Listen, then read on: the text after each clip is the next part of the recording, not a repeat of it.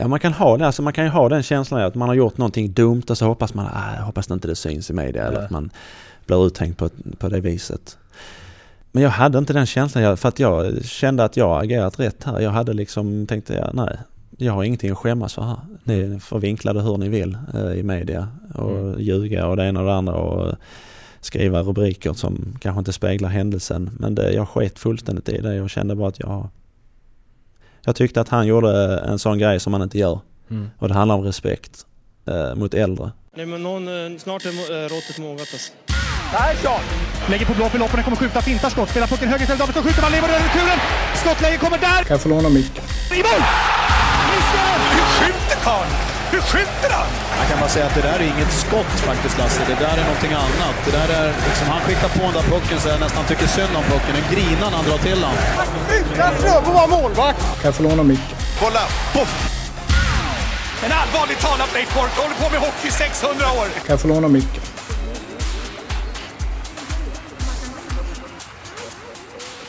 Hej och välkomna till SHL-podden Möter som är Betssons intervjupodcast med profiler i och kring den svenska hockeyligan.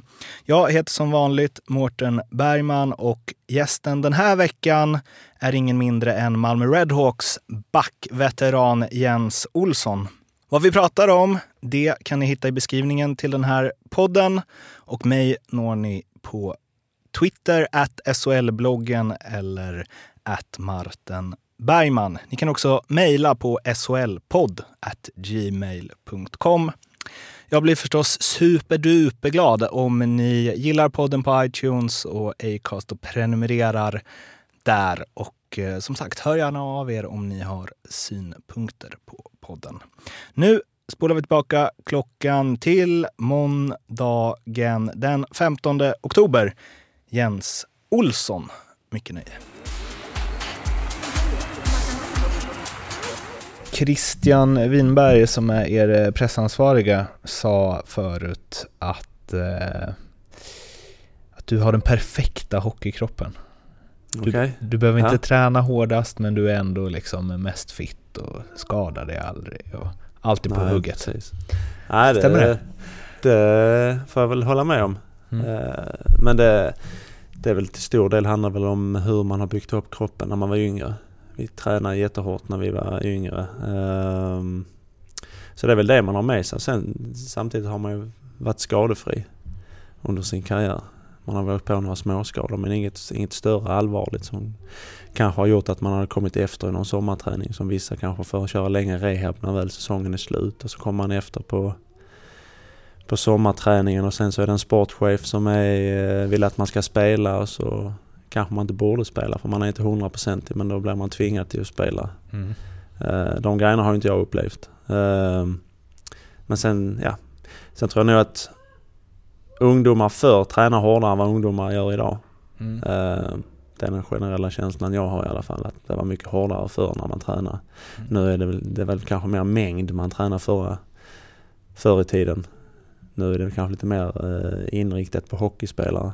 Som man tränar som en hockeyspelare gör fast man kanske inte får den här hårda grundträningen som bygger upp kroppen för kanske framtida mm. eh, pålastningar. Um, som då den, som jag, man får ju spegla sitt eget ju. Hur mm. jag tränade när jag var ung. Då tränade vi, eh, när man kom upp i A-laget som 18-åring, då tränar man måndag, onsdag, fredag. Då tränar man 45 minuter innan A-lagsspelarna kom.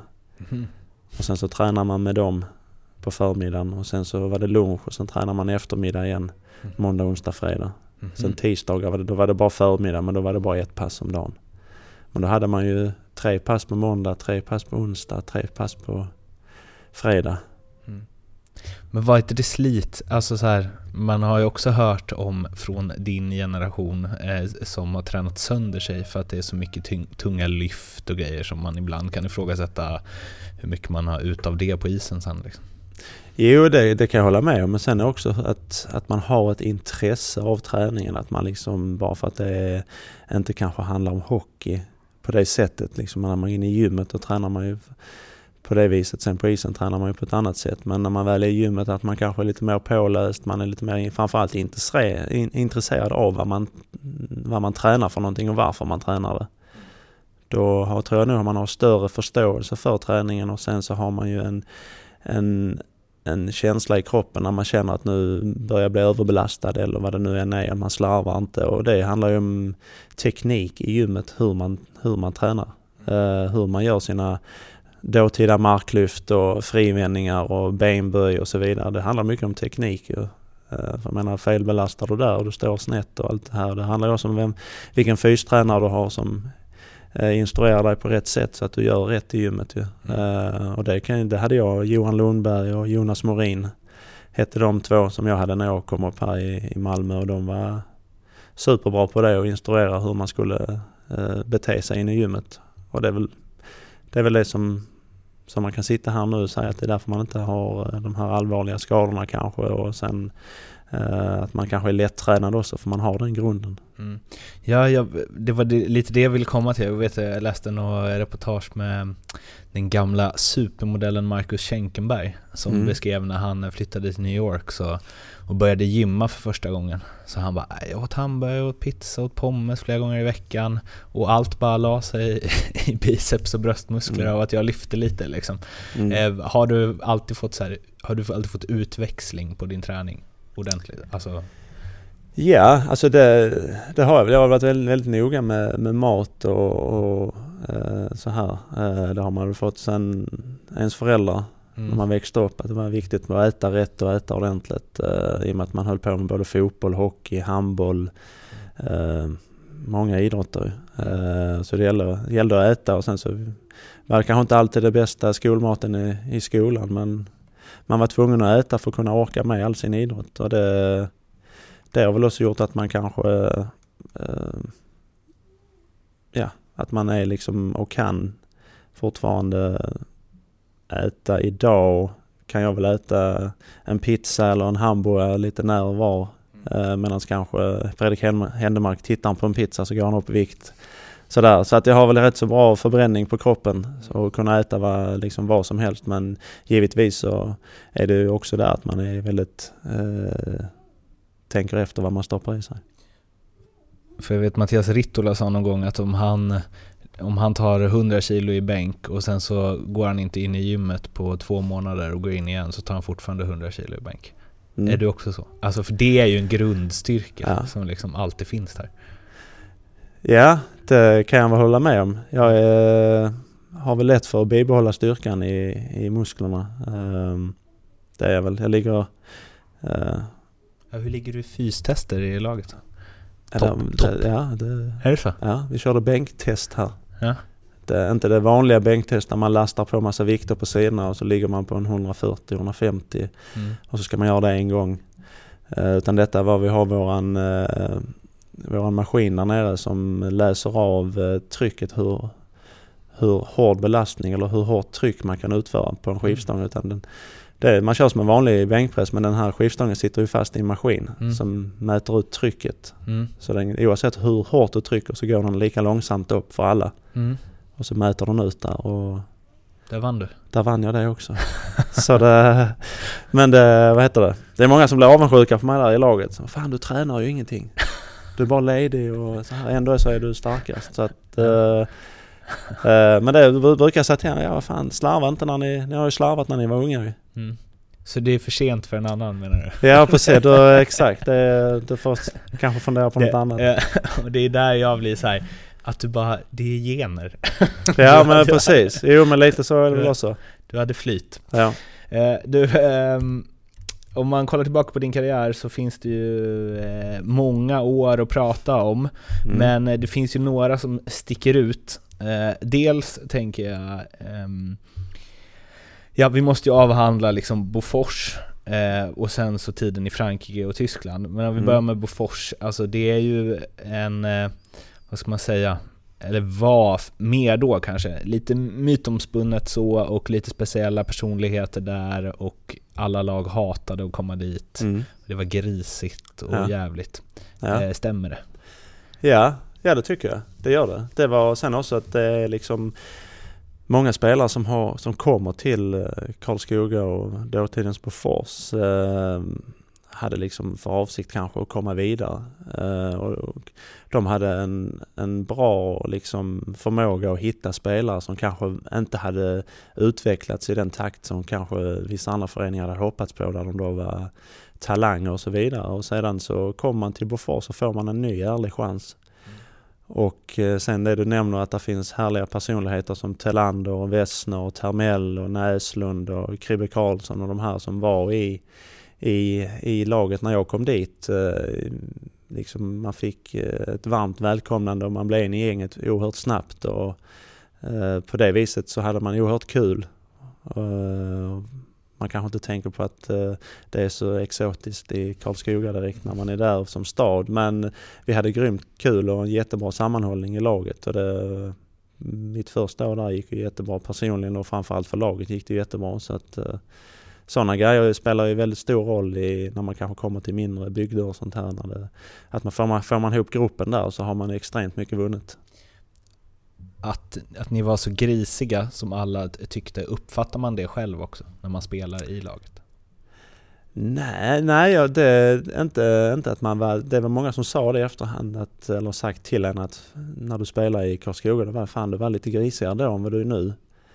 Men det är ingenting man tänkte på då, men det var mer de personligheterna som fanns i föreningen, i, i, i laget där då som fick en att liksom, och kanske bli lite åt det hållet för att liksom, det var så man spelade. Då, då var det liksom acklimatisera sig till det och så kör man ut efter det. Mm. Och eh, det var väl ett sätt för då, vi som hockeylag då att vinna hockeymatcher. Mm. Det var detta en stor del av det och vi var väldigt bra på det.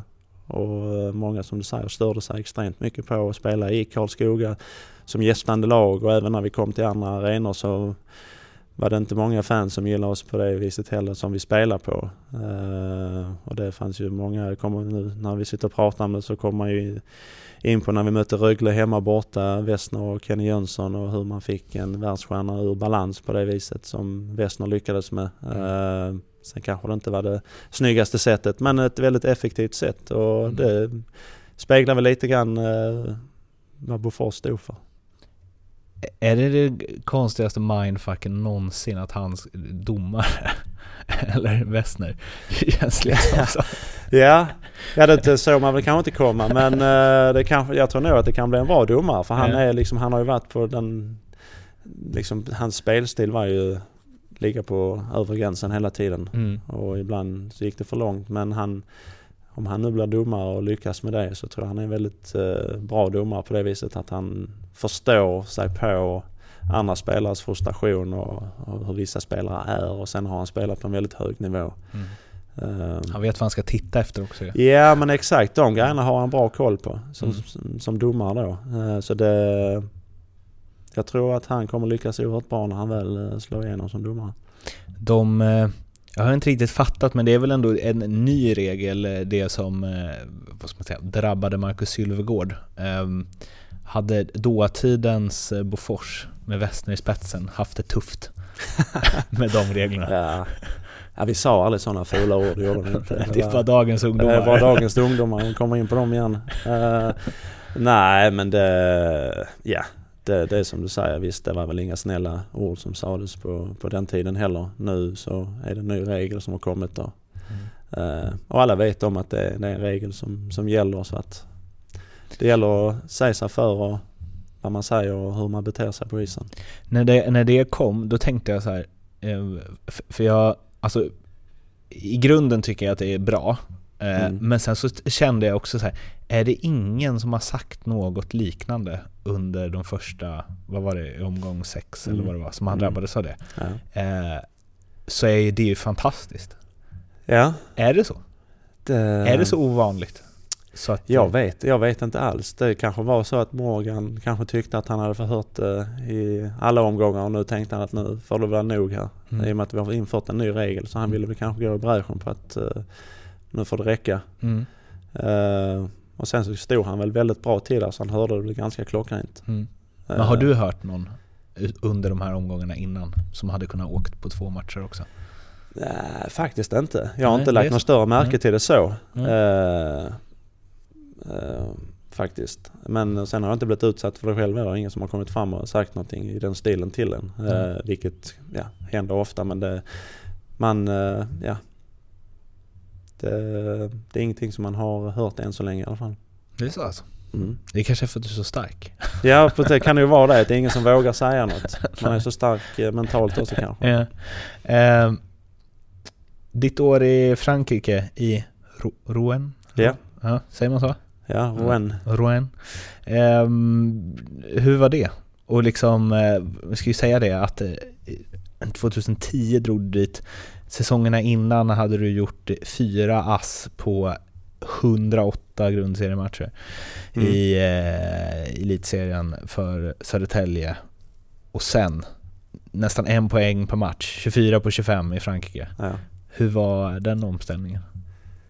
Jo, det var, jag kan säga så här mycket att eh, jag hade tre jättebra år i Södertälje men det fjärde året då kände jag att hockey inte var speciellt kul längre. Mm. Eh, jag var ganska trött på hockeyn i sig och kände väl att varför bor jag i Södertälje och spelar hockey här? När det, kände väl själv inte att det var jättekul att spela. Jag hade, hade, hade hamnat i ett fack i Södertälje där liksom, ja, det var en stängd dörr. Jag kom ingenstans. Det spelade ingen roll hur jag presterade eller vad jag gjorde så Mm. så spelade jag den rollen som jag hade där som var eh, ultradefensiv och eh, skulle väl inte ha så mycket puck heller och så vidare utan det var liksom det ultradefensiva och sen så tyckte man själv att kanske det speglar inte riktigt min spelstil. Eh, jag kände att jag hade mer att ge på det offensiva eh, och tyckte framförallt kanske inte att det var roligt längre med hockey. Eh, så där, hade man varit kvar där det året i Södertälje så vet jag kanske inte om jag hade spelat mer hockey sen tror jag. Mhm. Det var, det var inte alls kul längre. För det finns ju någonting i, så här, nu när du pratar om träning och så, Mm. att du har varit väldigt seriös i din Mm. idrott och så. Spelar i klassiska Södertälje, Mm. i elitserien SHL. Eh, Du, du, alltså så här, utifrån det känns det inte som du är den som bara ah, dra till Frankrike. Nej, nej där, det är liksom jag fick, jag blev uppkallad på, uh, vad heter det, på kontoret i Södertälje i, eh, i, ja vad kan det ha varit, maj, maj månad. Ganska sent efter säsongens slut. Vi hade dragit igång med sommarträning. Och de kom in och så fick jag reda på att eh, ja vi har, eh, du kommer bli nionde back i år och vi kommer att satsa på andra. Eh, bara så du vet. Eh, och då var det liksom, jaha okej, är, det liksom, är det så ni ser på mig att eh, jag inte är bättre än så eller vad det nu än var. Eh, och sedan så kort efter det sen så fick jag ett samtal från agenten som sa att vi ska hitta en ny klubb till dig. Mm. Och sedan så var det så sent ute så att där fanns ju inte den här kanske positionen som jag hade önskat att spela i. Fanns inte direkt i både elitserien som det hette då och sedan i, i hockeyallsvenskan var de hade platserna redan tillsatta av andra duktiga spelare. Så att, eh, och sen skulle vi ha barn också, vårt första barn. Mm. Eh, så det var rätt mycket att tänka på där men då hade vi två alternativ. Antingen var det att åka till Finland eller så åker vi till Frankrike. Eh, Och där fick min sambo också spela en stor del och bestämma vad, vad vi skulle göra i och med att vi skulle ha barn så att hon kände att Frankrike. och då kände, ja precis, och det lyssnade jag på det. När man sitter här idag så var det ett jäkla bra val gjort, det Ja. vi gjorde. Eh, både framförallt för att när vi åkte ner till Frankrike så var kanske inte hockeyn prio ett på det Nej. viset. Var Eh, ligger det här någonstans i Frankrike? I nordvästra Frankrike, två timmar från Paris Okej. mot eh, kusten, Kusten. till England. Ja. Så att vi hade ungefär 45 minuter till, till kusten. Okej. Eh, men där liksom vi fick, eh, det var liksom eh, Hockey kom kan man säga i andra hand. Mm. Det var mer ett, ett häftigt äventyr att flytta utomlands och så här och vi. Och sen så fick man tillbaka glädjen för hockeyn och sen framförallt då att man blev, blev pappa och eh, fick en son och så vidare. Ehm, och sen så hade vi två andra svenskar, David Holmqvist och Kalle Bergström Mm. i laget där. Som vi hade ett riktigt bra eh, stäm och riktigt kul ihop hade vi. Eh, de hade varit i Frankrike något år tidigare. Hur Eh, gick det? Ni måste gått ganska långt. Ja vi vann den. De har ju två inhemska kupper. Eh, den ena vann vi. Den andra gick vi till semifinal tror jag. Och sen vann vi ligan. Okej. Eh, så det var roligt på det sättet också. Man fick vara med och vinna någonting och bli mästare i någonting. Sen att det är Frankrike. Ja. Men ändå att man fick stå där som en vinnare efter Och då fick man tillbaka framförallt självförtroendet. Mm. Det blev en jäkla boost. Är ligan, ehm, de har ingen slutspelare? Jo, de har, Ja. det är en grundserie Ja. och sen är det slutspel. Eh, Men få matcher? ja, det är 25. fem, fem bara. Fem i slutspelet, bäst av fem. Ah, Okej, och Så sen vi- så i ligan var det bara 25? 26? 26. Ja. Så att, eh, men nu har det ju blivit mycket fler. Men det var ju Mm. för att de hade två inhemska cuper också. Ja, så det blev en del matcher där. Så att i runda slängar tror jag det blev 65 matcher Mm. på en säsong. Intressant med kuppspel Mm, det är rätt fräckt. Det, det är var inte så ofta. Nej, det, var, det är nytt eh, för, för mig och då kommer ner där och får spela kuppspel. Det var rätt roligt faktiskt. Mötte ni alla möjliga divisioner då eller? Ja, då blev det uppställt så vissa matcher kanske inte var så, så jätte... Men då det kunde bli liksom Ja, 15-0 eller? ja. Ja. Men vi hade en seriematch också. Då mötte vi de som låg femma. Då vann vi med 18-2 på hemmaplan. Okej. Men, men så eh, att, eh, jag, jag tänkte komma till det för Mm. fransk hockey har ju ändå, ja, framförallt senaste åren har Mm. det ju verkligen gått framåt och liksom Absolut. finns ju en del riktigt bra NHL-spelare från Frankrike. Mm. Ehm, hur var den då? För att jag kommer ihåg, det var ju något gäng, vad hette han? Johan Forsander, kan han heta så? Som spelade i typ AIK, Djurgården. Mm. Han drog ju typ till Nice och man Mm. här, tränat tre gånger i veckan ja, och var ändå bäst i ligan liksom. Ja men det, så var det ju. Ja. Lite åt det hållet. Okej. Eh, men vi, hade- ja, vad var det? 14 lag i serien. Har jag för mig. Sex var Mm. bra. Mm. Då var det liksom, jag ska man säga hög allsvensk klass. Eller hög, men alltså en bra allsvensk klass på dem. Eh, vårat lag var väl, eh, ja vi hade vad kan det vara, 3 500 på våra matcher och då var det fullsatt. Mhm. Och sen hade vi ja, bäst ekonomi och vi hade bäst spelare och sen var det Grenoble och Angers Okej. som också var liksom bra, som är liksom jämbördiga och Amiens också. Så vi var fyra, fem lag där som var liksom jämbördiga Mm. med, medan vi var väl eh, ja, bäst på alla plan så att säga. Både spelarmaterial och ekonomi och fans och så här. Hur, var, hur var de när det kom liksom tre svenskar och tyckte de det var kul eller? Ja det, det, det, det tror jag. Ja. De tyckte vi var roliga på det liksom. Mm. Eh, och sköna grabbar och eh, de var väl lite egna kanske. Det var rätt många fransk-kanadensare också så Mm. det var väl kanske eh, ja, tre grupperingar kanske i laget så. Det var två finnar också så att vi skandinaviska spelarna höll ihop och fransk-kanadensarna höll sig till sig lite grann och så här. Men det var ändå bra liksom, gemenskap i laget så. Men Mm. det var liksom eh, det var tre språk i, i omklädningsrummet. Mm. Kan du franska eller? Nej, inte så värst. Vi skulle fått, det var, rätt, det var sån grej som var rätt så de ville att man skulle lära sig men den här läraren som skulle lära ut franska till oss som kom i januari och vi var färdiga i mars med säsongen så att eh, det var lite sent. Annars hade det varit jäkligt kul faktiskt att få med och sitta där och lära sig för vi, vi bodde alla på, alla spelare och eh, kontoret var i, ett, eh, i en byggnad Mhm. Okej. som låg lite grann utanför i, i ett, ja vad ska man säga, gettot Mhm. utanför för att de ville väl visa stadens invånare eh, och liksom att ja, det, det är inte så farligt att bo i Mhm. gettot om man säger så. Så att där fanns en byggnad där det fanns vi hockeyspelare och sen var det basketspelare och sen var det ja, det var tennisspelare och simmare också. Mm. Som Var det- till. Var det gettot då? Eller var det lugnt? Eh, nej, jag är uppväxt på Lindängen i Malmö så Okej. att eh, det är också ett, ett typ av, ja, det är inget fel Nej. att bo där, absolut inte. Jag är uppväxt där och trivdes där jättebra på Lindängen. Mm. Men eh, de ville väl visa att eh, man kan bo där också. Mm. Och det, Det var Vi- lugnt? ja, Ja. det kom någon ambulans och någon polis lite då och då men det, det gör det i Malmö också så Ja. det är inget större.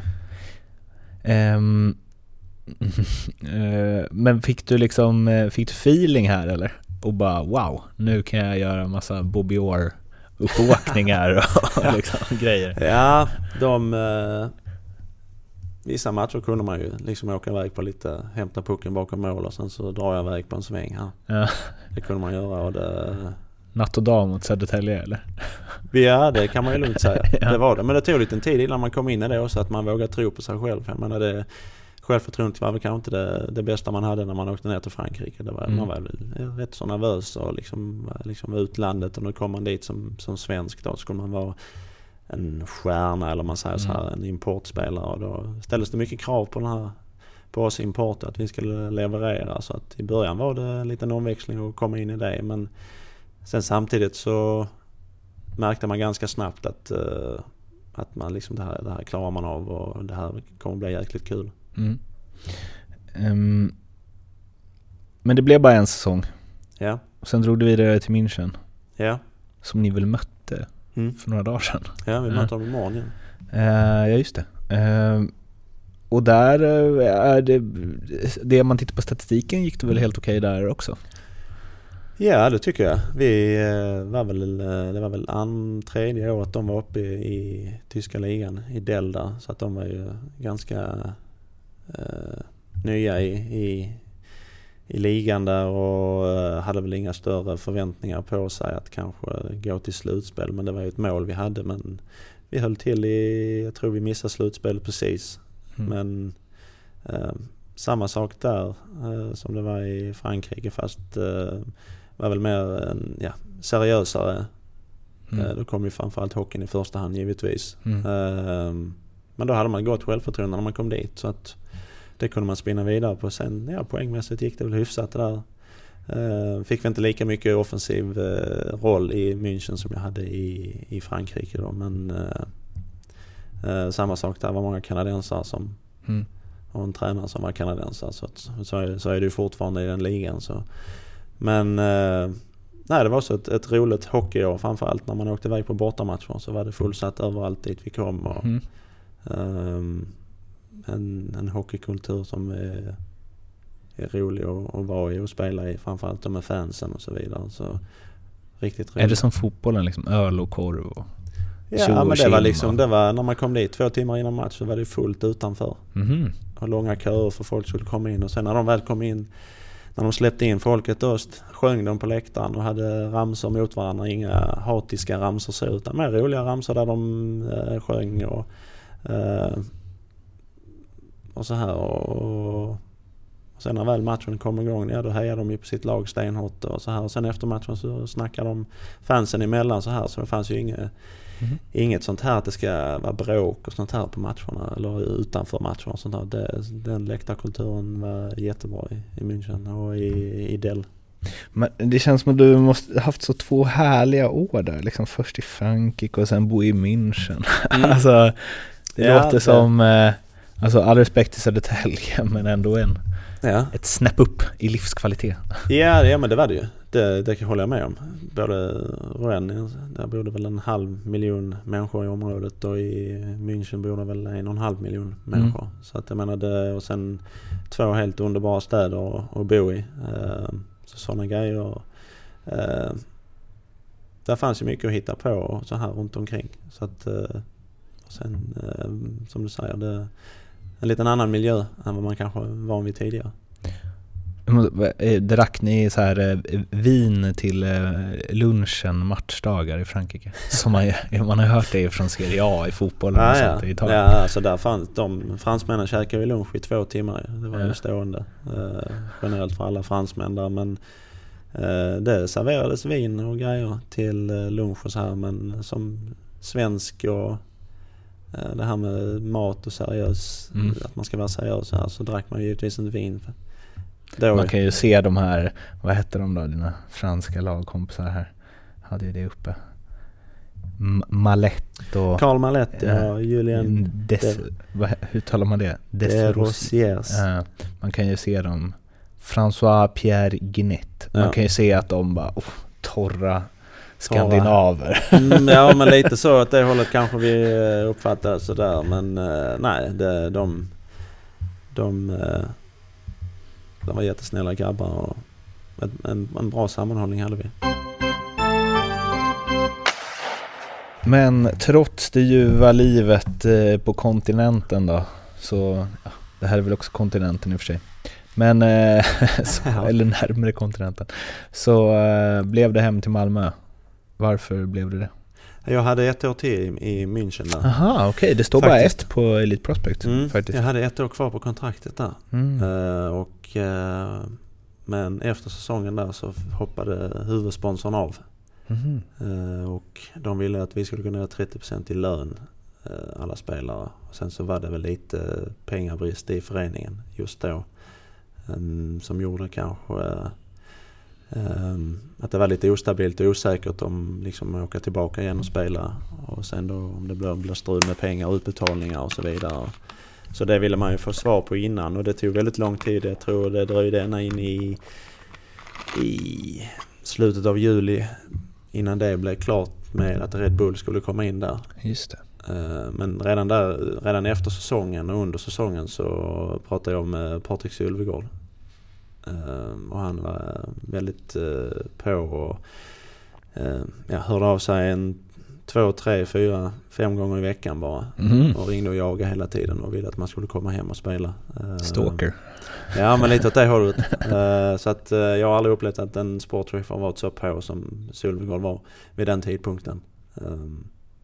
Så egentligen sen hade vi pratat om i familjen också att eh, vi hade varit iväg länge och inte bott i Malmö. Mer än kanske en, någon enstaka månad på sommaren. Eh, och vi kände kanske att det var dags att åka hem och spela för, för Malmö. Har väl alltid varit en dröm sedan den dagen man lämnade. Mm.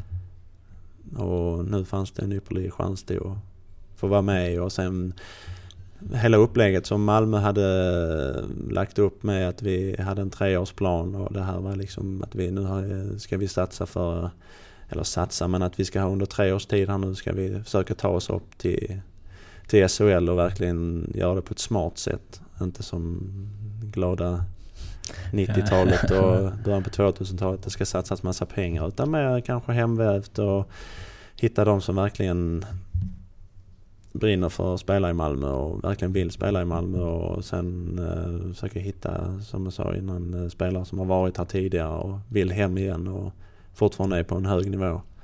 Så att eh, valet att flytta hem var inte så svårt. Men missade liksom Red Bull-pengarna. Ja, det precis. Typiskt ju. Ja, precis. Jag missade Stenbecks pengar också. ja. För han var där innan jag kom till Malmö så att... Eh, ja, men, eh, så ja, kan det gå. Så kan det gå ibland. Ja, eh, men med facit i hand så kändes det oavsett om det hade gett mig mer pengar att stanna i München. Så med facit i hand så tror jag nog inte jag hade suttit här idag och kanske spelat i, i SHL och eh, tyckt det var så eh, oerhört roligt och som jag tycker det är nu.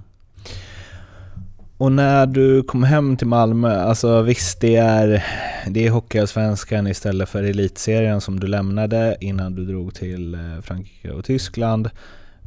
Men trots det så liksom en eh, andra säsongen i Malmö där var det plus 36. Mm enormt ju.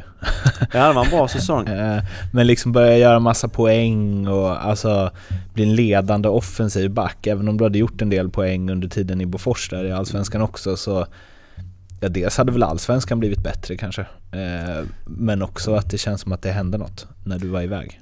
Ja, det, det, det är precis det som vi pratade om innan. Att man fick tillbaka glädjen för den idrotten man håller på med och sen ett eh, självförtroende som liksom, ja, det fanns väl inga, inga motgångar eller någonting sånt som kunde stoppa en. Eh, man tänkte framförallt inte i de banorna överhuvudtaget längre. Man tvivlade aldrig på sig själv. Även om det kanske gick dåligt så borstar man av det kanske på ett sätt som, ja, ja jag vet inte hur man ska uttrycka det, men kanske ett sätt som liksom uh, obrydd. Mm lite åt det hållet. Mm. Att man visste om vad man kunde göra och visste om att man kanske skulle stöta på lite eh, upp och nedgångar under säsongen. Men att man liksom inte tog åt sig för mycket utan man visste vad man skulle göra för att ta sig ur situationerna. Och sedan så framförallt med det här återigen med självförtroendet. Liksom att man kände sig oslagbar. Mm. Uh, och sen då få göra det hemma här i Malmö Arena och uh, på hemmaplan. Få spela just här hemma gjorde saker och ting ännu bättre mm. för en själv. Så att uh, och sen så hade vi ett bra hockeylag hade vi det året där det gick när man spelade 36 plus. Jag spelade med Johan Björk som min backkollega och vi hade det liksom det från första match till, till liksom när säsongen var över så hade vi det var som vi hade spelat tillsammans i 10-15 år. Mm. Liksom inte gjort någonting annat. Vi löste situationer på banan som kändes liksom hur enkelt som helst. Och det kändes som motståndarna hade den känslan också när de såg att jag och Björkan var inne på banan. Så tänkte man, åh fan också det här. Då åkte de och bytte istället. Så att det, den, den känslan hade man då när man spelade i Allsvenskan där liksom att uh, man kände sig oslagbar och det, det, tror jag nog också folk såg när man väl var ute på banan. Mm. Och sedan fick man en stor roll i laget och uh, man hade väl utvecklat den här offensiva delen som man kanske hade innan när man spelade i Sverige men inte fick eh, ut i, i här och som tränaren kanske inte ville att man skulle eh, ha den rollen i de lagen man spelar. Eh, men när man väl kom hit här så hade man de kvaliteterna som man hade byggt på sig både i Frankrike framförallt och sen i Tyskland. Och sen byggde man ju vidare på det när man väl var i, i här i, i Malmö också. Men det finns något intressant i det, alltså, även om du säger att det fanns en del lag i franska ligan som höll bra allsvensk klass och så. Du berättar samtidigt att ni liksom slog ett lag med 18-2. Mm. Eh, alltså det är lite konstigt så här utifrån att du drar till en liga som är liksom, får man ändå säga, en dålig liga mm. och sen levererar där. Och att det inte finns något hos dig som bara, oh, undrar om det här håller på en högre nivå. Utan mm. att du mm. bara, för det som du säger nu, utifrån det ska man ge rådet till alla som har det lite kämpigt i SHL, bara gå ner i division 1, mm. gör en halv säsong, gör mm. massa poäng och sen mm. bara upp och fortsätt likadant. Ja.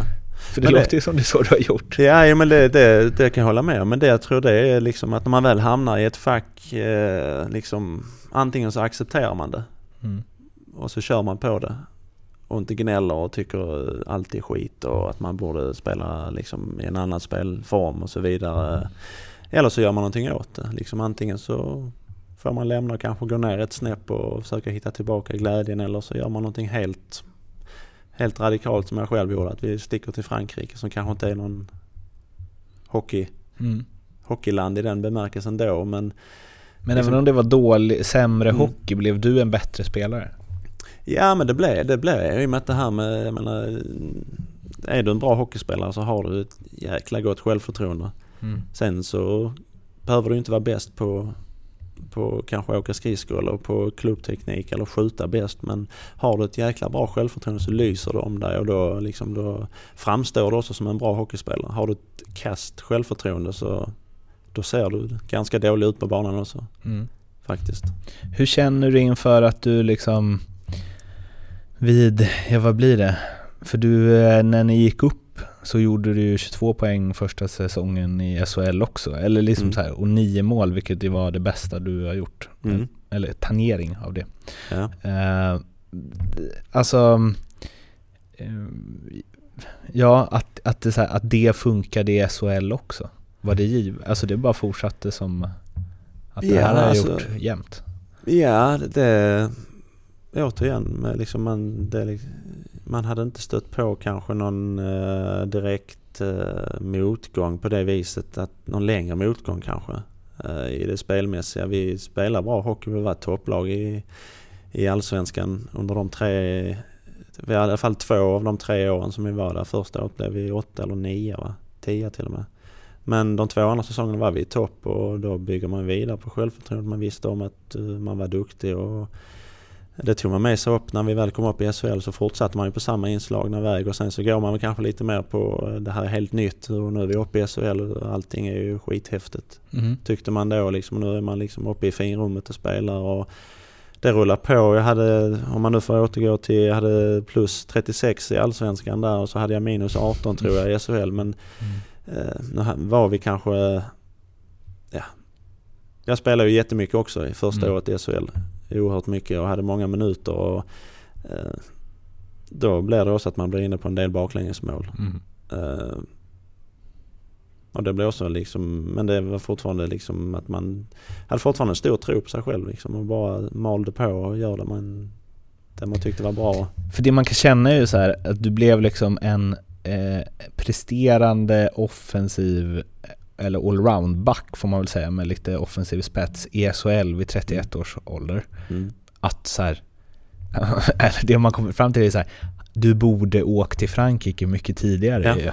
Ja, med facit hand så skulle vi åkt 18, 19, 20 någonting. ja, exakt. Då hade man kunnat åka dit. Men mm. äh, ja, det, det har väl kanske också med en spelstil att göra. Jag menar, jag skulle ja, kunna spela hockey till jag är 40. Mm. Det är kanske inte tanken men jag skulle kunna göra det. Superkroppen. Ja precis, jo men det är nog det också som gör att liksom man kanske då slår igenom när man, eller slår igenom men att man vid 31 års ålder presterar på så hög nivå som man inte gjort tidigare. Mm. Uh, det är återigen tillbaka till allt det här med självförtroende, bra tränad, Mm. sådana grejer som speglar in och sen um, man gör ju vissa val i ens karriär som vissa val är bra och vissa val är mindre bra. Man har ju alltid någon valmöjlighet. Det hade jag också innan jag gick till Södertälje. Då fanns det andra valmöjligheter att välja men jag valde det och till början var det jättebra men det mynnade ut till någonting som kanske inte var bra eh, på, inför sista säsongen där men då får man liksom göra några nya, liksom rannsaka sig själv och gå igenom själv vad man vill göra och så vidare. Och tycker man inte det är kul som det inte var i sista året där i Södertälje så får man göra någonting annat och så får man tillbaka glädjen så blir man ung på nytt. Mm. Uh, och så här.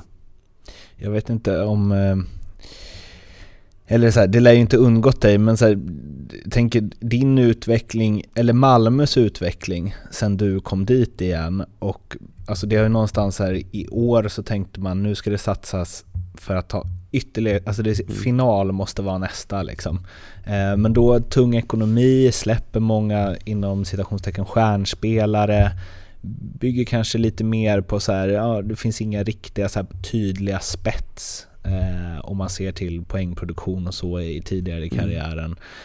Um, men eh, ni tuggar ju på liksom. Men vad, vad är din känsla vart, vad som har hänt med föreningen under alla de här åren som du varit här? Och var är ni nu? En stor fråga. men- Ja, ja precis. uh, nej men den har man fått för den frågan. Men det är framförallt uh, om man jämför då när man kom upp som 18-19-åring så var det liksom det skulle presteras och inom korta tider så skulle det hända grejer och det skulle liksom det skulle satsas mycket pengar och sen var det kortsiktiga lösningar på allting i föreningen och sen så gick det som det gick och sen så fick man sopa undan det och sen så kom det en ny säsong och så gjorde man ett nytt försök och så gjorde man så hela tiden. Eh, och till sist så gick det liksom inte längre. Sanningen kom ju ikapp och då står man där med, med den här tomma pengakassen som det inte är några pengar kvar helt plötsligt och, och då ska man liksom göra något vettigt. Men då kom det in väldigt bra folk i föreningen när jag kom hem och framförallt Patrik Sylvegård som liksom fick in det här tänket att vi måste tänka långsiktigt annars går det liksom inte. Vi har inte framförallt pengarna finns inte kvar och eh, det vi har försökt göra tidigare funkar inte längre. Det är bara att inse att vi måste göra någonting annat. Mm. Och då kom det in en trygghet i föreningen där alla liksom eh, alla köpte den idén att nu har vi tre år på oss som vi ska eh, ha på oss och ta oss upp i framförallt då SHL först och främst. Och när vi väl har lyckats med det så ska vi lägga upp en ny plan, en ny liksom treårsplan. Och när vi väl gick upp och sen första året efter vi gick upp så var ju planen att vi ska hålla oss kvar som kanske många föreningar har. Och det lyckades vi med. Och sen så kom, fick vi Peter Andersson och Martin Filander och Eh, in där inne med ett eh, annat gott tänk eh, både spelmässigt hur vi ska agera på banan och då värvar man in spelare ut efter det och det fungerar bra i två säsonger. Nu tredje året så står vi där igen med att det kanske sinat lite i, i pengakassan då men vi har värvat in kanske, vad ska man säga, klokare spelare på de eh, platserna som vi har i det här spelsystemet eh, som vi behöver ha för att vi ska kunna spela det systemet vi har. De andra som vi hade eh, var kanske lite mer individuellt skickliga Mm. eh, och kanske kunde vinna hockeymatcher åt oss på sin individuella skicklighet. Medan i år så måste laget fungera ihop för det som du säger, vi har ju inte de här namnkunniga spelarna kanske som sticker ut på samma sätt som det har gjort de två senaste säsongerna. Eh, men vi har en lagmaskin som jag aldrig har spelat med tidigare och aldrig kanske sett något annat lag ha som vi har i år. Eh, där liksom, det känns som vi har spelat ihop i tio år. Där alla känner varandra. Vi är liksom barndomskompisar hela gänget känns det som där inne. Mm. Liksom man har varit med om så mycket känns det som. Men det har vi ju egentligen inte. Men det är den känslan som är där nere och alla krigar något kopiöst för varandra eh, på träningar och på matcher och vi har eh, kul utanför tillsammans. Och, eh, lite så som det var i Bofors när man kom dit. Mm. Vem, Jag intervjuade Kristoffer Nilstorp och Emil Silvergård inför säsongen och eh, Torpet sa att, eh, det var två grejer som jag kommer ihåg från de intervjuerna. Och först så sa Torpet att ja, man säger alltid att det är så bra stämning och det är så bra go och alla kämpar för varandra och så. Han bara, och ett, det stämmer inte. och, och det här, jag har aldrig varit med. Och han bara, jag har varit, spelat i flera vinnande lag som gått hela vägen och så vidare. Men den sammanhållning vi har i den här truppen har jag aldrig varit med om förut. Mm. Håller du med? Ja, det stämmer. Det gör det. det. Det är väl framförallt den biten som speglas i, i laget och eh, som då Nilstorp säger att eh, han har, eh, både han har varit med om extremt mycket eh, både i USA och i Sverige och vunnit SM-guld och Calder Cup och alltihopa men det är för att vinna någonting så måste man ha en jäkla bra liksom, sammanhållning i laget och en laganda där alla kämpar för varandra oerhört mycket. Och det vet ju Stoffer om i och med att han har vunnit. Det har han vunnit och vi har inte gjort det här men vi vill ju göra det. Så att då är en sån grej väldigt viktig och det känns som att vi, vi har den delen är det stora fundamentet i vårt lagbygge i år. Att, att vi har verkligen har lyckats med det. Och det liksom media har sett det på ett annat sätt inför säsongen där de har tippat oss där de har gjort och inte trott på oss. Men eh, vi har ju vetat vad vi är kapabla till och fått ihop gruppen oerhört bra. Eh, och det visar resultatet nu också. Och Emil Sylvegård alltså bara, bara lyste i ögonen när han sa att eh, ingen kommer gilla att komma hit under slutspelet, sa han. För fan vad vi ska kriga ner dem. Och då tänkte jag så här, lugn nu, ni har inte ens spelat första matchen för säsongen. Mm. Eh, och det finns ju något i det och det finns ett... Jag ska säga, jag blev lite förvånad när typ så här Sanny Lindström tippar i tolva och sånt liksom. För att det känns ändå som att finns ett spelsätt här som ja, men garanterar någon form av högst, hö, alltså någon form av lägsta nivå som ändå är ganska hög. Men om man ska liksom om, om vi ska säga att ni ska ta ett steg till då, att semi inte ska vara tillräckligt. Alltså, visst lagmaskiner och så vidare, men när det väl gäller i sjunde avgörande så brukar det ofta vara de extraordinära skills som kliver fram, liksom. En Filppula eller vad det nu är. Behö ja. behöver, behöver ni det tror du? Uh Ja, alltså det har man ju sett. Visst har man gjort det i liksom att det är individuella spelare som gör individuella prestationer. Men det kanske blir så att det blir de här individuella prestationerna för att eh, laget i sig kanske inte, eh, vad ska man säga, gör det eh, man ska på det viset att man kanske har man en, en, vi kan ju liksom bara prata om när vi mötte Växjö nu här borta i, i um, torsdags och vi förlorar med 1-0. Uh, ehm, vi, gör det, vi spelar en bra hockeymatch men vi får inte det här riktiga flytet kanske och, och skapar de riktigt heta chanserna. Och vi gör inget mål men vi spelar jättebra defensivt, släpper in ett mål. Ehm, sen kommer vi hem här hemma och så fortsätter vi göra samma sak och så har vi inte gjort mål på fem perioder när vi går in i paus efter andra perioden. Ehm, och där är liksom ingen tvivel på att vi ska kunna slå dem eller ska kunna göra mål. Utan där är en tro på det i gruppen. Vi börjar inte snacka om att vi ska göra någonting annat. Vi ska försöka ändra spelsystemet eller vi ska ändra det eller vi ska göra så. Utan det är liksom bara vi från tränarnas sida och från, våra, från gruppens sida så är det liksom vi fortsätter göra det vi ska. För det kommer lossna. Mm. Och vi intalar oss själva att det kommer lossna. Jag menar, sen i tredje perioden så fortsätter vi göra det vi ska. Vi, det är ingen som kanske gör någonting som vi inte ska, som kanske går ur, ur vårt spelsystem och börjar göra någonting annat. För det är oftast då som det resulterar i att man släpper in fler mål. Mm. För att man helt plötsligt ska börja göra någonting annat. Man inte tror på, på systemet. Och det, det, så har det varit i alla matcher, att vi har gjort det vi ska. Uh, visst, sen någon match så förlorar man, det är inte mer med det. Men det är fortfarande den här tron på att vi ska göra det och jag tror det kommer göra att vi gör en riktigt bra säsong. Eh, sen hur långt det leder, ja det kan jag inte svara på här idag men men det är framförallt den delen som, som lyser så starkt i vårt, i vårt lag, i vår grupp, att vi gör det vi ska och det visar vi här mot Växjö hemma, att vi liksom fortsatte göra det vi skulle och i tredje perioden så fick vi utdelning och för det var inte någon som föll ur ramen och skulle göra någonting annat. Bara för att fan nu måste, nu måste jag kliva fram och göra någonting. Men det är inte, det kanske inte är därför du är värvad hit till denna föreningen för att du ska kliva ur ramen och göra det. Utan alla håller sig inom det vi ska och sen så ibland så blir det någon någon som står vid rätt plats vid rätt tillfälle och sen så slår man in två mål som vi gjorde mot, uh, mot Växjö då. Mm. För att då kanske i Växjös fall så var det några som föll ur ramen hos dem som ville göra någonting extra och sen så blev de straffade på det. Så jag tror där är det den stora delen i vårt uh, lagspel och vårt lagbygge och spelidé. Nilstorp hade en eh, grej också som jag inte alls faktakollade men eh, att han sa att även förra året så, så här, när stjärnorna, återigen institutionstecken, var skadade mm. så gick det bättre. Mm. Kan det stämma?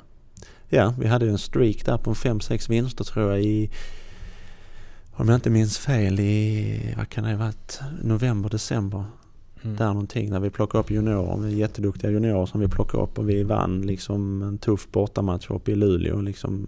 Och de kom ingen vart Luleå utan vi, och det var till och med så att vi hade juniorer som presterade och gjorde mål och så vidare och liksom det är väl det som är den röda tråden inom föreningen att vi spelar det sättet vi spelar på, spelar juniorerna på och det blir enkelt för dem att komma upp i, i, i vårt system och, och komma in. Och det är samma sak med uh, nu de här två Albin Johansson och William Kaiser som var här från division 1 och tänker ju många fan division 1, hur fan kan ni plocka spelare från division 1? Mm. Men vi i gruppen uh, gör det lätt för de spelarna att komma in. Och tränarna gör det så lätt och pumpar dem med energi. Och uh, sen gör du vårt system det du ska, då, då blir det bra. Jag intervjuade ju Daniel Saar eh, och Robin Alvarez inför säsongen. De mm. var ganska kritiska mot eh, Peter Andersson och sa att liksom Ja, man får bara en chans och liksom om man inte presterar som man ska så eh, hamnar man väl i kylan så är man i kylan sen.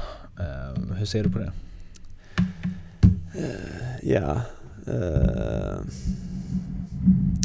det, ja, det är liksom, det, det, har inte jag, jag har inte upplevt det i alla fall att det skulle, att det ska vara så att man, eh, att man åker ut i, i kylan på det viset kanske. Nu har inte jag upplevt det så nu kan inte jag svara för hur Robin och Daniel har upplevt det här i Malmö. Det, alla upplever vi olika saker men för egen del så visste jag var utanför laget i eh, i, eh, i någon match här, vi mötte Växjö hemma, då satt jag på läktaren. Uh, uh, ja.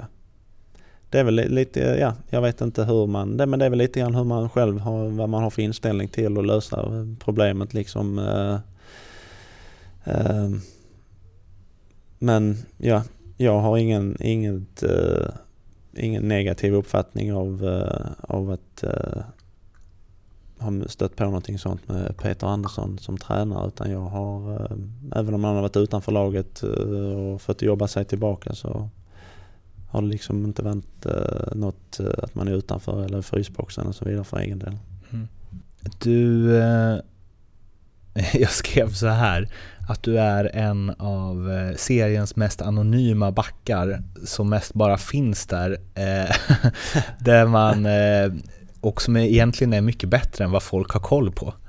Mm. Eh, och folk, det är ju alltså jag då. då. Mm. jag får representera folk ja. i det här fallet. För att jag blir lite så här, eh, det var kanske något år sedan när jag kollade din statistik så blev jag lite förvånad. Så här, bara, mm. shit, han har gjort mycket poäng och så. Mm. För jag, tänker, jag tror fortfarande att jag har någon form av liksom, defensiv klippa. Liksom. Mm. Spelar enkelt, sarg ut, kämpa mm. på.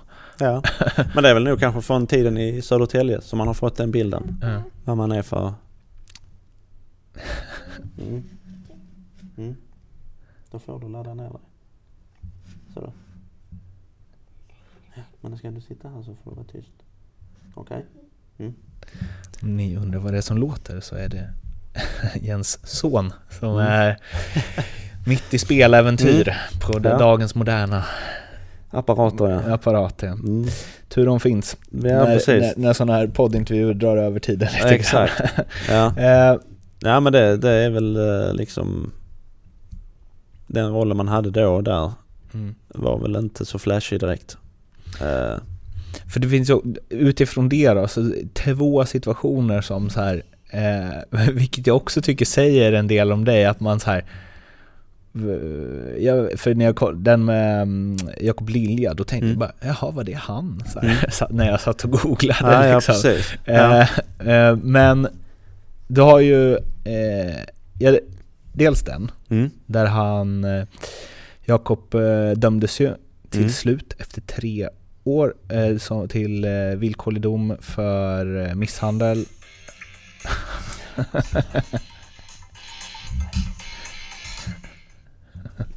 eh, och eh, han slapp böterna, man fick betala rättegångskostnaderna eh, och jag läste lite i fatt kring den eh, eh, rättegången nu.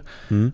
Och då när du skulle vittna, för det var inte du som anmälde utan det var Nej. väl någon läsare eller något till var, jag tror Expressen? det var en eh, på Kvällsposten Expressen tror jag. Ja, okej. Som, och då sa du att för min del är det två år sedan det hände jag viktigare sak för mig nu och du begärde att du skulle, eh, eller önskade att du skulle få gå och träna istället. mm.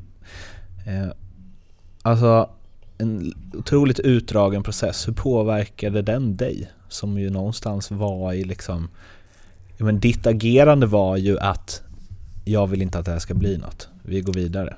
Ja, ja men alltså då när det blev så stora proportioner av liksom medialt sett. va, Liksom det var, ja, det var, vet väl både Jakob också att eh, det som hände där och då var, var inte vackert och, och det ena och det andra. Liksom att det inte ska vara något sånt på en hockeybana. Eh, that's it. Men sen att det liksom ska dras så länge på någonting, att det ska ältas om någonting sånt så länge liksom det, det får liksom fel, fel, det, det liksom släpp det och gå vidare. Det han gjorde var inte okej, nej det vet alla, alla som såg det och det vet han själv också. Men att man liksom ska dra det så långt och sen att det ska dras utanför hockeybanan. Vi har ju ett, ett system här i Sverige som ska lösa de här delarna som händer på banan eh, i SHL här då och det ska inte behöva dras utanför hockeybanan eh, i mitt tycke. Eh, men sen är det ju inget försvar för vad, vad som hände. Eh, det var som när jag låg på, på bänken där inne i, på sjukhuset på akuten så sa läkaren att ja Jens, där hade du tur för att hade du tagit en centimeter till åt höger så hade du kanske varit förlamad. Mm. Eh, och då får man en annan syn på det just där och då men nu var det ju inte utfallet så att det blev så vilket man är glad för. Eh, men sen att det liksom ska ältas och att det ska liksom tas upp eh, två år efter och liksom det...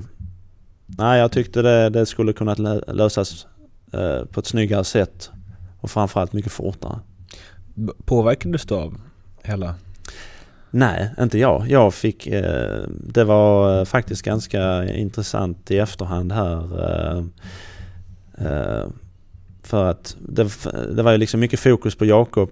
Eh, både medialt och, och den här biten. Eh, och han fick, eh, ja, hade rätt mycket att stå i på den, den delen. Jag fick inte utstå någonting. Mm. Eh, inga liksom Nej, det fanns anklagelser. inte. Det fanns någon- inte en enda intervju med dig? Nej, här, där fanns ju liksom. ingenting liksom hur, hur upplevde jag situationen, hur mår jag fysiskt och mentalt och allt, ingenting sånt här. Och sen i efterhand så eh, drog jag upp den frågan både till Erik Zachrisson på Unionen och sedan till eh, SHL också att eh, man kanske skulle visat lite intresse för, eh, för hur jag mådde. För jag menar jag skulle ju kunna kanske mått psykiskt dåligt om kanske någon hade hört av sig, skickat sms eller någon hotbild eller sånt här på mig som kanske då Jakob fick utstå. Det vet Mm. jag inte om han fick men eh, om han nu fick utstå något sånt så eh, att man kanske får hjälp från SHL och så vidare att de kollar av eh, liksom både då de två inblandade i den här situationen. Att man liksom, men det fanns inte. Jag fick ju liksom som tur är upplevde ingenting sånt och så vidare men när väl den frågan kom upp efter två och ett halvt år så då ställde jag den och liksom här och då blev det direkt, då hörde de av sig och kollade att de liksom här vi ber om ursäkt för det här, vi skulle kollat upp med dig och så här. Mm. Uh, ifall någon, nu hände det ingenting så med mig, eh, men om det nu hade varit så. Men hur kändes det att få det då? Att så här, hade den tagit en centimeter? Var inte det jobbigt? Eller så här, tänk om ångest? Ja, jo, ja, jo så är det, det är klart. Det, nu gjorde det ju inte det så att man tänkte ju inte mer på det. Man tänkte bara när läkaren sa det så var det jag och min, eh, min pappa som var inne i, hos läkaren där på akuten och vi liksom när han sa det så tittade vi båda på varandra så tänkte man jaha okej. Okay. Och sen så när läkaren sa att nej det, ta det nu lugnt här och så kan du åka hem igen för det är inga synliga skador på dig så utan det, nu kommer du ha som man hade ont i nacken och så vidare men det var liksom inget, det var bara muskulärt som mm. tur var då. Men eh, liksom man satte sig i bilen så åkte man tillbaka till arenan och duschade och så här, sen åkte man hem liksom. Sen var det liksom, ja, that's it. Mm. Så gick man vidare liksom så så att... Eh, mm. Men, eh, ja. Um, vad, har du snackat med Jakob något om det? Liksom, alltså när hela rättegången var och liksom? Nej, inte mer än det liksom, ja. Vi, direkt efter det så hade vi lite kontakt med och liksom, och han, uh, ja. Bad om ursäkt för, för vad som hade hänt och så vidare och jag liksom, ja det liksom jag sa ju vad jag tyckte att det inte var okej, liksom okej men att jag inte har några hard feelings mot honom, ingenting och så här och vi vi ja, hälsar på varandra så när vi syns på, på matcherna och så här. Att man, men inte mer än så. Utan, ja. och det, sen som sagt var, det är inga hatfins. Jag tycker inte illa om honom för, för vad han har gjort och så vidare. Det en jättebra hockeyspelare och det ser man nu i poängligan. Han eh, leder den med, i, i sitt Djurgården där. Så att eh, det är bara kul att se. Eh, och den andra grejen då eh, som eh, som också, när jag youtubar den, Daniel Saar sätter in en sån supertackling på Emil Aronsson eh, i den matchen. Ni borde eh, kolla upp det. Men det är ju skrapincidenten som vi liksom... Ja. Det, det, det är ju det som är så här, du kanske är mest känd för de här två mm, grejerna. Ja, det är det som kommer kan, överst ja, när man ja, googlar det. Liksom. Googlar man det precis. uh, hur ser du tillbaks på den idag? För då kändes det som att uh, Ja, det är också en sån grej som blir så uppstorat medialt. Där är media, ja, inte roliga att ha att göra med när det gäller sådana grejer. Det, mm. De kan vinkla det på, på vissa grejer på sätt som gör att folk som läser det får en helt annan syn på vad saker hur saker och ting har skett och vad som har hänt och så vidare. Jag kommer ihåg själv att det stod Eh, att man hade slagit eller kommit i slagsmål med en ispojke och så mm. vidare. Och jag menar han var väl 14-15 år. I mina ögon är det ingen pojke. Mm. Och sen att jag har slagit honom det hade jag inte gjort heller. Så att, eh, men det är väl så när media får, i, när de har det jobbet på sitt jobb och inte har någonting att skriva om så gör de små grejer extremt stora.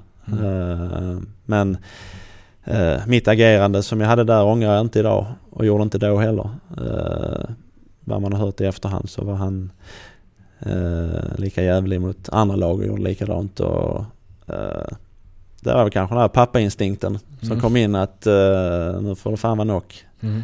Uh, nu får du uppföra dig ordentligt här. Uh, som gjorde att man agerade på det viset man gjorde. Det, är väl, det enda är väl kanske man kanske inte skulle ta tag i hans tröja som jag sa då också. Kanske det som som ser dumt ut i media för då kan de vinkla det på det viset. Mm. Uh, men nej, han behövde ha en liten avblåsning där den grabben. För när du såg det i efterhand, eh, tänkte du, vad tänkte du då? Tänkte du så åh nej, det ser, inte, det ser inte så bra ut? Ja man kan ha det, alltså man kan ju ha den känslan att man har gjort någonting dumt och så hoppas man, äh, hoppas inte det syns i media eller att man blir uttänkt på, på det viset. Men jag hade inte den känslan för att jag kände att jag agerat rätt här. Jag hade liksom tänkt, ja, nej, jag har ingenting att skämmas för här. Ni mm. får vinkla det hur ni vill eh, i media och mm. ljuga och det ena och det andra och skriva rubriker som kanske inte speglar händelsen. Men det, jag sket fullständigt i det och kände bara att jag Jag tyckte att han gjorde en sån grej som man inte gör. Mm. Och det handlar om respekt eh, mot äldre. Och det kanske speglar dagens samhälle att den här respekten för äldre kanske inte finns lika likadant nu som det kanske gjorde för flera år tillbaka. Men det är också det här media, hur media vinklar saker och ting. Eh, som gör att saker och ting upplevs och uppfattas på fel sätt. Och där har ju media en, en jäkla eh, slagkraft i det och kunna göra och vinkla grejer som de vill. Utifrån det då, vad jag läst eh, och eh, dels sett också. För de som inte tog ditt parti här, då menar jag på att du inte flyttar på dig. Mm. Mm. Mm. Gjorde du det? Eller liksom? Ja, alltså det... Eller ignorerar du honom? Absolut inte. Mm. Men det är också det med respekt. Liksom jag, vi respekterar dem. Liksom det har aldrig varit några problem på något annat ställe där man har stått vid sargen och pratat med sin tränare och sen har de kommit och då har de stannat Mm. i lugn och ro och liksom väntat med, och då har man flyttat sig. Eh, för man respekterar deras jobb och ibland så är man inne och pratar med tränaren och inne i det och uh, kanske inte tänker på att de kommer med dem och de har stannat helt enkelt. Mm. Eh, och det var samma sak i Mora. Det var, man stod inte där längre vid sargen än vad, vad man har gjort någon annanstans. Mm. Eh, men den, det liksom bara blev att han, han respekterar inte det att jag och det sa jag till honom också att eh, liksom, när man väl står där så hann jag inte flytta mig för han körde på en direkt och sen körde han på mig igen och sen så försvann benen på en. Mm. Blev, du, så- blev du förvånad? Ja, oerhört faktiskt. Man blev väldigt förvånad att man eh, skulle bli undanskyfflad så på det viset. Eh, Det är, men det är en ganska rolig scen. ja, det, det blir det. ser ju väldigt roligt ut ska jag kunna tänka mig att man, eh, och det är någonting man inte förväntar sig att det ska ske just där och då liksom. Att, men ja, du ser liksom, ja, det, du kan se på matcherna i, nu i, som spelas nu. Klart nu kanske de flyttar sig snabbare för nu vet de om att eh, när vi väl är i Mora så kommer han igen kanske med skyffeln där. Men eh, det, nej, det var bara en, en konstig situation som uppstod och det, Fick du mycket skit för det? nej alltså Eller du inte, kanske nej. inte hänger så mycket på sociala medier? Och... Nej, inte, nej. Alltså ja, det, jag hänger läser inte så mycket eh, vad som sägs och skrivs så. Eh, men eh, jag upplevde inte det som att det var att man skulle få utstå massa skit och så. För det känns som en sån grej som folk som inte vanligtvis tittar på hockeyn Mm. tycker till om. Det är oftast de som gör det ju. De som inte är så insatta i idrotten. De, de är världsmästare när de sitter framför tangentbordet och ska uttrycka sina idéer och så vidare. De får ju väldigt stor, stora rubriker när de väl sätter igång och skriver det. Eh, men nej. Det, för min sida var det ganska lugnt i och med att jag tyckte att jag hade handlat och agerat på ett rätt sätt. Eh, Ja, avslutande, jag brukar kalla det snabbfrågor men de behöver inte gå så snabbt. ja. Eh, som jag kör med alla. Förutom Foppa, Sudden och Lidas, vem är Sveriges bästa spelare genom alla tider? Oj, oj, oj. Eh, bästa spelare, ja de är ju, de är ju svåra att slå de där men eh, om man säger Pekka Lindmark på sin tid Snyggt. faktiskt. Han var outstanding på sin tid med tanke på var han spelar, vilken liga han spelar och sen utsett till världens bästa hockeymålvakt. Eh, och ja, han tog väl någon cigg i periodpauser så här och tyckte det var okej och så vidare. Man var ändå bäst så att eh, han, han kommer högt upp på den listan. Jag ska skicka en eh, bild eh, till dig sen från Mm. bildbyrån när han, på tal om så här ja men hockeykroppar och så Mm. vidare. Ja, I andra änden I andra av det. eh, förutom Gretzky eller Mjö, vem är världens bästa spelare genom tiderna? Ja, där finns ju så många. Eh, jag kan tycka att Peter Forsberg är en av dem. Eh, På det viset han spelar och hur han spelar, hans spelstil och så vidare. Eh, Sen finns det ju ja, Sidney Crosby. eh, Där finns ju Connor McDavid som är outstanding nu tycker jag. I, om man ser på nutid. Som man också kan säga är världens bästa hockeyspelare i dagsläget. Eh, så där finns ett gäng som liksom om man ska gå årtionde och kolla så är det ju många olika men uh, där är Forsberg, Crosby, McDavid som, är, som jag tyckte är, är outstanding. Om det fanns en tidsmaskin så att du hade kunnat åka tillbaka så bra som du är idag till 1990, hade du gått in i första femman i alla NHL-lag då? Ehm, nej, jag, det tror jag inte. Jag tror hockeyn var annorlunda på det viset med tanke på min spelstil, hur jag spelar. Så hade det kanske inte funkat på 90-talet. Och, eh, så det tror jag inte. Om du får tänka helt fritt, vilken regeländring, hur galen den än må vara, hade du velat testa inom hockeyn? Oh, det, var, det var en bra fråga då. Man kan säga så här istället att när man inte får nicka in pucken i mål. Som det skedde i, när vi mötte Växjö borta där. Det var en konstig regel tyckte jag att man inte fick använda Mm. huvudet och nicka innan. Så att eh, den regeln får jag väl säga där. Ja, för det är inte så att de kommer börja slå passningar i den höjden. Nej precis, jag tror inte man väljer det och använda huvudet på det viset eh, faktiskt. Men eh, när väl den uh, in, det, uppstod så tyckte jag det var väldigt konstigt för vi i laget trodde att det här är mål. Mm. Det kan inte vara någonting annat men det, det räddade oss där. Den bästa spelaren som du spelat eh, med och kanske inte det största namnet nödvändigtvis eller liksom den som har blivit bäst utan den som du där och då tyckte var bäst. Uh, ja, uh, om man ska säga nu så Erik Forsell gjorde det oerhört lätt för oss backar och, och spela egen zon framförallt. Väldigt smart center. Uh, stod alltid på rätt plats. Hjälpte oss i alla lägen.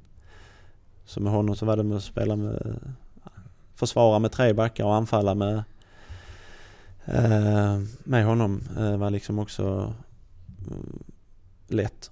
För han liksom täckte upp på de situationerna man stack iväg på en, en, en sväng om där man, så var, täckte han upp och så vidare. Eh, så, så han är väl den spelaren som kanske borde fått större i media i, i mina ögon sett.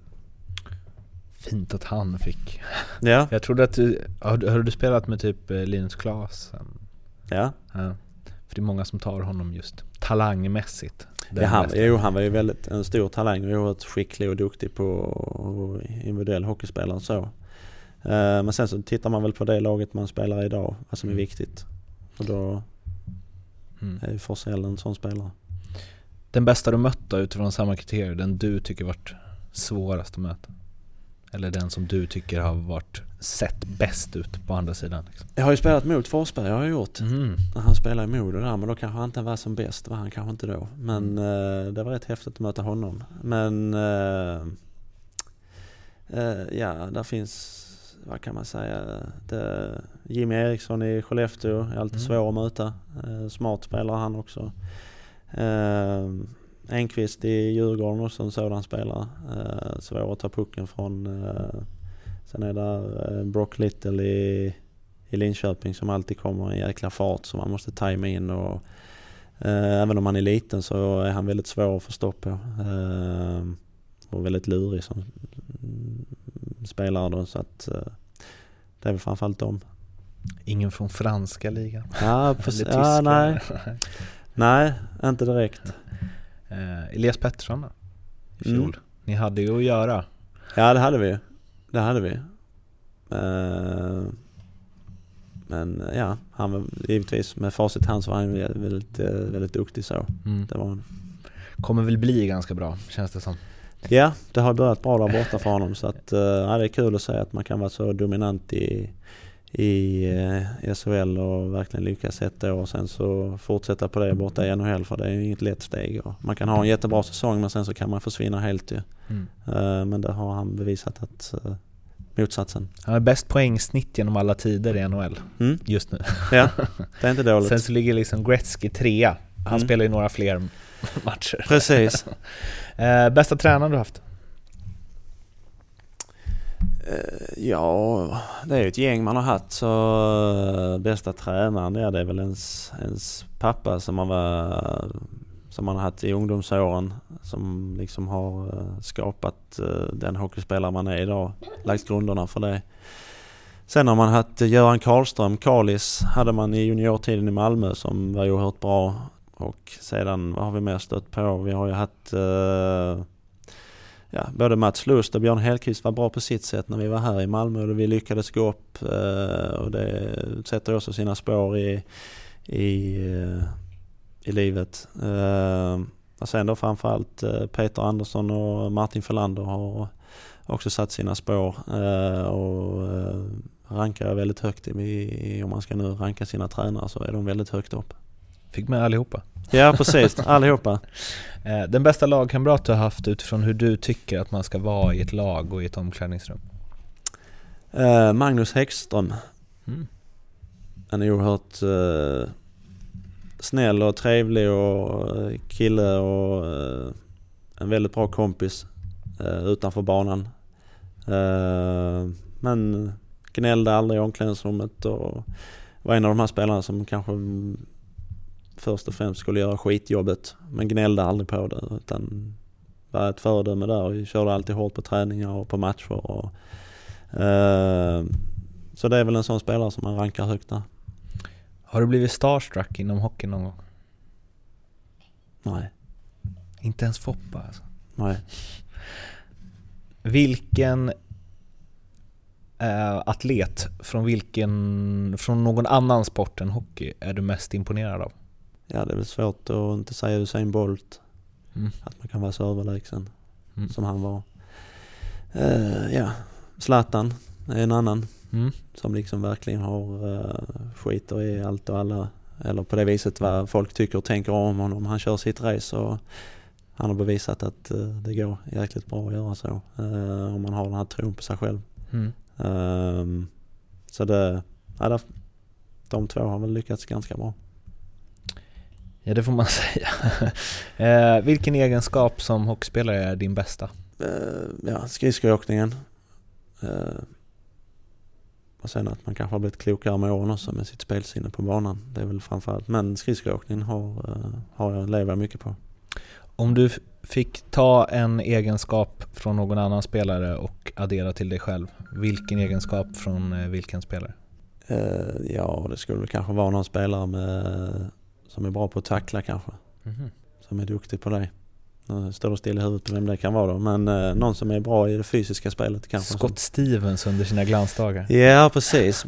Han var nästan lite, gick nästan ofta över gränsen i Mm. mitt tycke. Men uh, någon, någon åt det hållet där kanske som är bra fysiskt. Hur eh, bra, eller så här, när var du som bäst? Är det, är det nu? Är du ditt bästa nu? Hittills? Ja, man kan säga min lägsta nivå är väl som högst just nu. Om man säger att det är väl ganska jämn i mitt spel nu. Jag håller, eh, om man nu får säga så, men en hög nivå. Eh, Men har inte de här dipparna direkt som man kanske hade förr. Mm. Eh, För de senaste åren här så har, tycker jag det är att det har visat att man har en, sin, sin lägsta nivå, att man kan hålla den väldigt hög. Mm. Eh, Och då kanske det, då är man kanske inne i sin, sin bästa säsongstart någonsin. Just nu i alla fall. Och sett från det då, hur nära tror du att du är din maxkapacitet? Väldigt hypotetiskt, men Ja, här, det det. hur bra tror du att du kan bli mot vad du är? Ja, jag är nog rätt, rätt nära men visst eh, man har ju förhoppningar på att man ska vara så bra som möjligt men eh, det handlar ju också om hur man löser situationer på banan. Ibland fattar man fel beslut på banan ju givetvis men eh, jag tror nog att det är lite till att kräma ur på högsta nivån faktiskt. Eh, att man kanske tar för sig lite mer i det offensiva spelet ännu mer. Eh, men eh, det kommer kanske. Hur många procent talang slash hårt arbete är du? Eh, en talang i gymmet får man väl säga att man har varit. Så är det väl, eh, men någon talang så, ja man var duktig på att åka skridskor i ung ålder men eh, talang med puck och klubba så här kom lite senare faktiskt. Så det är väl kanske, jag vet inte, 80 åt eh, i gymmet kanske och Mm. 20 på isen. Du är talang för gymmet sidan. Ja precis, man får säga så. Om du med den erfarenhet du har idag av hockeyvärlden fick ge Jens Olsson 15 år ett tips, vad skulle det vara? Åk till Frankrike. Ja precis, åk till Frankrike tidigt uh, och lev livet. Uh, nej men uh, man ska liksom fortsätta ha stark tro på dig själv uh, oavsett vad du upplever hur du upplever situationer och så vidare. Så ha en stark tro på dig själv oavsett om du får göra kanske konstiga val eh, som du kanske inte har eh, ehm, tänkt att du skulle göra. Så fortsätt tro på dig själv. Eh, Du behöver inte vara bäst just där och då utan det kanske kommer längre fram. Eh, Och det är väl väldigt få spelare som är bäst 15 år Mm. på raken. Det är inte många som är det. Så att bara för att vissa är det så kanske du får vara nöjd med att du kanske är bäst under fem år. Så att där är tro på dig oavsett om du får göra konstiga val i din hockeykarriär så fortsätt tro på dig själv. Vem har betytt mest för din karriär? Ja, det, det är väl ja, min familj.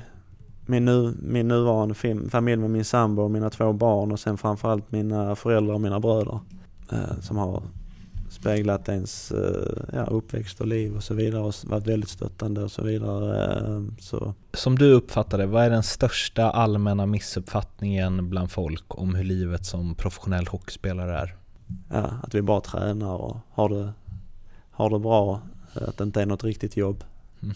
Eh, men om folk bara visste vad vi, vad vi lägger ner i tid på eh, hur, vi, hur vi tränar, hur vi jobbar. Eh, hur mycket vi får eh, lägga ner för att kunna spela på den här nivån och få göra det vi tycker är roligt så kostar det en del att göra det.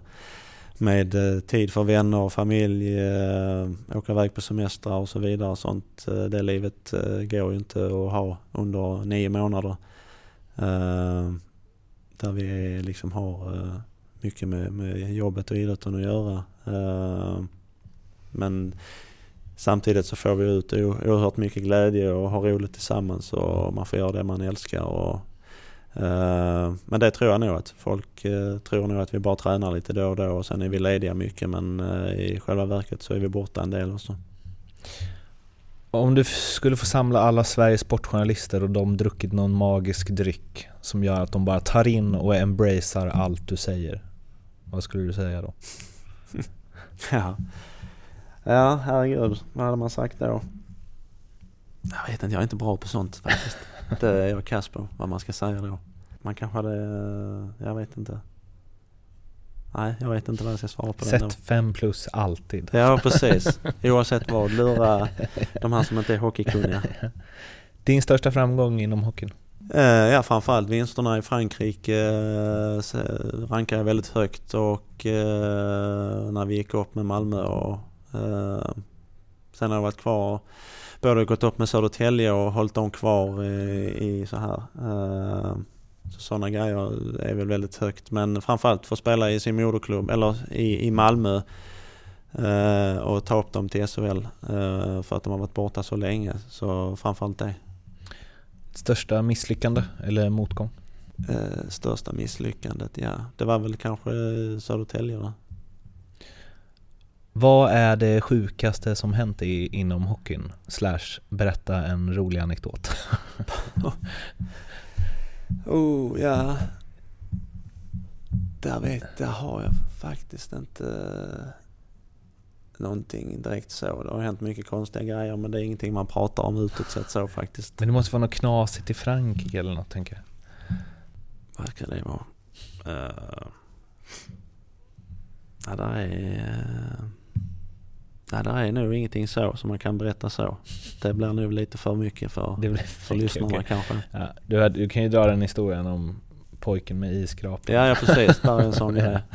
Eh, om du helt och hållet fick bestämma hur din sista match skulle vara.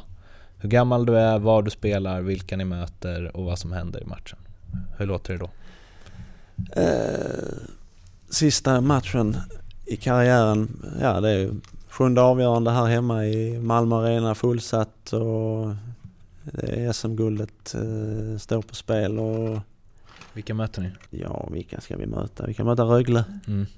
Jakob Lilja är tillbaka. Ja, precis. han kanske spelar i Malmö, han är ju Malmögrabb så. så eh, men eh, nej men eh, fullsatt hemmaarena, magisk stämning. Man får det där ypperliga läget att avgöra om man gör det i, på övertid. Och sedan har vi vunnit SM-guld så står man där sen efteråt. Hur gammal är du då? Ja, nu hoppas jag ju försöka vinna SM-guld tidigare än så men eh, om det sen ska vara sin sista match man spelar det vet jag inte men inom en snar framtid. Mhm, mm, okej. Jag tänkte att du liksom, hur länge tänker du att du ska spela? Ja i dagsläget så spelar man kanske fem år till Mm. har man som mål. Sen kan det bli tre år, det kan bli sju år till, det kan bli vad som helst. Allting händer på hur, vad man tycker om hockeyn och hur kroppen mår. Ja, sju år till, det är lugnt. Ja Din- precis, det är många kropp. som säger det. Du kan spela till du är 40 men det, det får vi se. Slutligen, vilken SHL-spelare tycker du att jag borde intervjua i den här podden? En sån som Johan Olofsson skulle Mhm. vara kul att lyssna på. Okej. Är han spexig? Ja, men han är, han är skön och rolig på sitt sätt och... eh, Mm. Nej. Fin Eh, dialekt också. Ja, precis. Han är en rolig, rolig kille och en härlig människa att, att ha att göra med. Så att eh, han skulle vara rolig att gå lite in djupare på. Gött. Du Jens, tusen tack för att du ville vara med. Tack så mycket.